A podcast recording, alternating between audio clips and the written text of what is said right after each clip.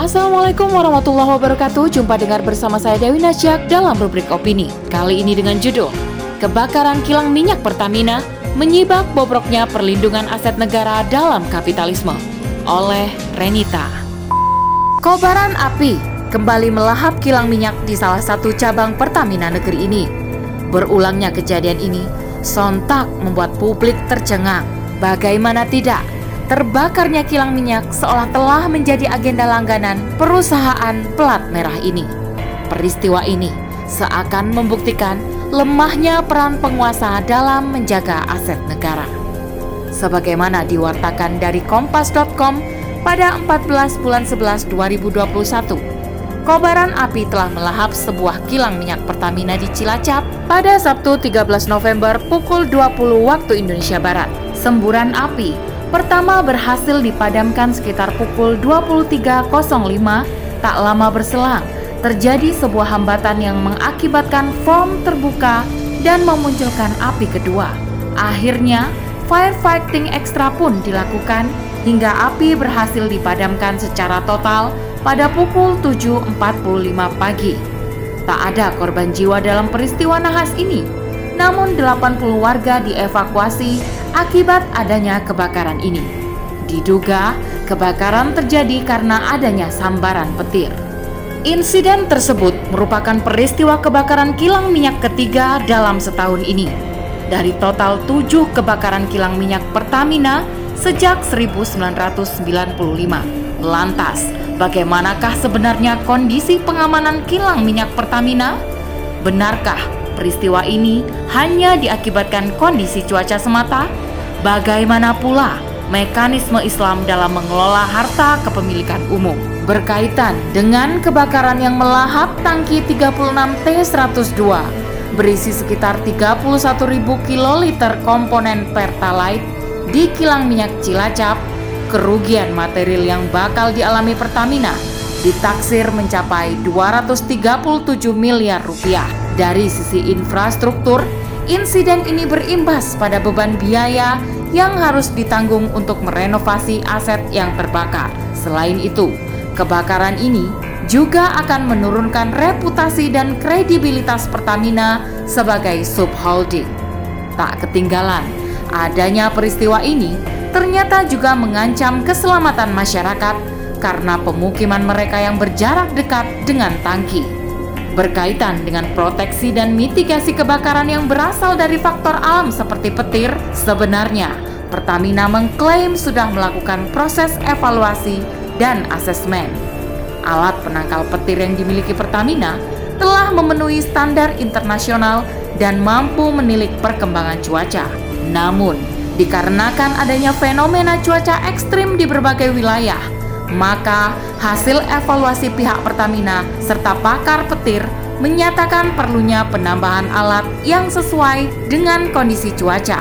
Salah satunya penangkal petir jenis Early Steamer Emission atau ESE dan juga Light Protecting System atau LPS berkaitan dengan kesesuaian desain dan jenis penangkal petir yang bakal dipasang di area rawan tersambar petir. Saat ini, setiap refinery unit di kilang Pertamina Internasional memiliki fungsi yang mengatasi keandalan kilang sehingga tidak ada tim atau organisasi baru yang dibentuk.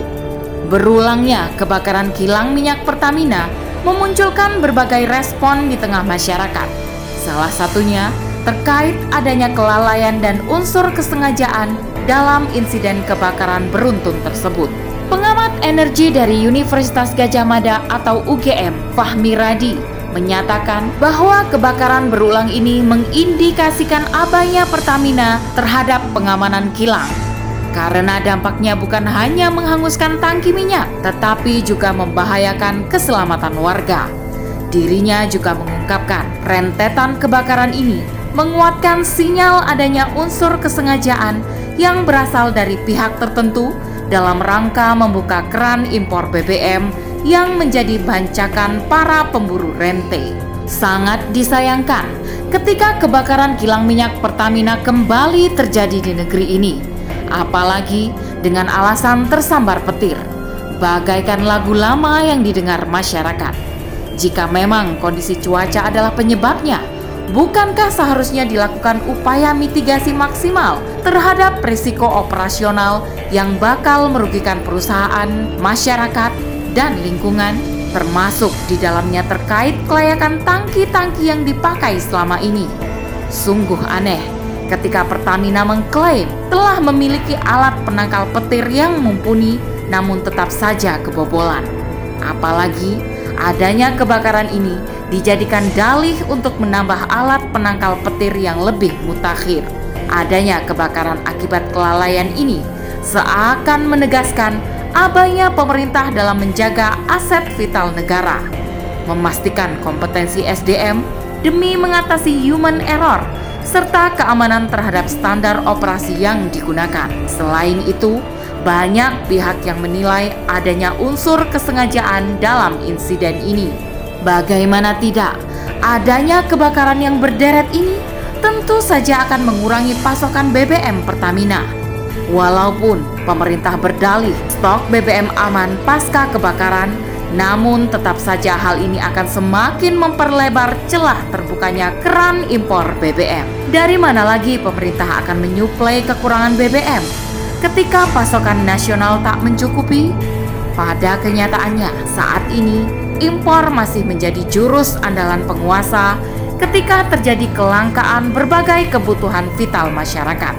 Apalagi dengan merajalelanya mafia migas, adanya impor migas akan semakin memuluskan hasrat mereka untuk mendulang cuan sebesar-besarnya.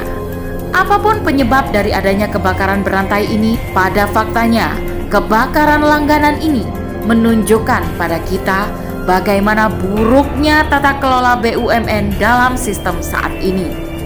Negara hari ini tidak memosisikan dirinya sebagai pemelihara urusan masyarakat, tetapi hanya berperan sebagai perpanjangan tangan yang menghubungkan kepentingan swasta dan rakyat. Begitu pula tujuan pengelolaan BUMN hanya sebagai lahan bisnis para oligarki kekuasaan demi meraup keuntungan.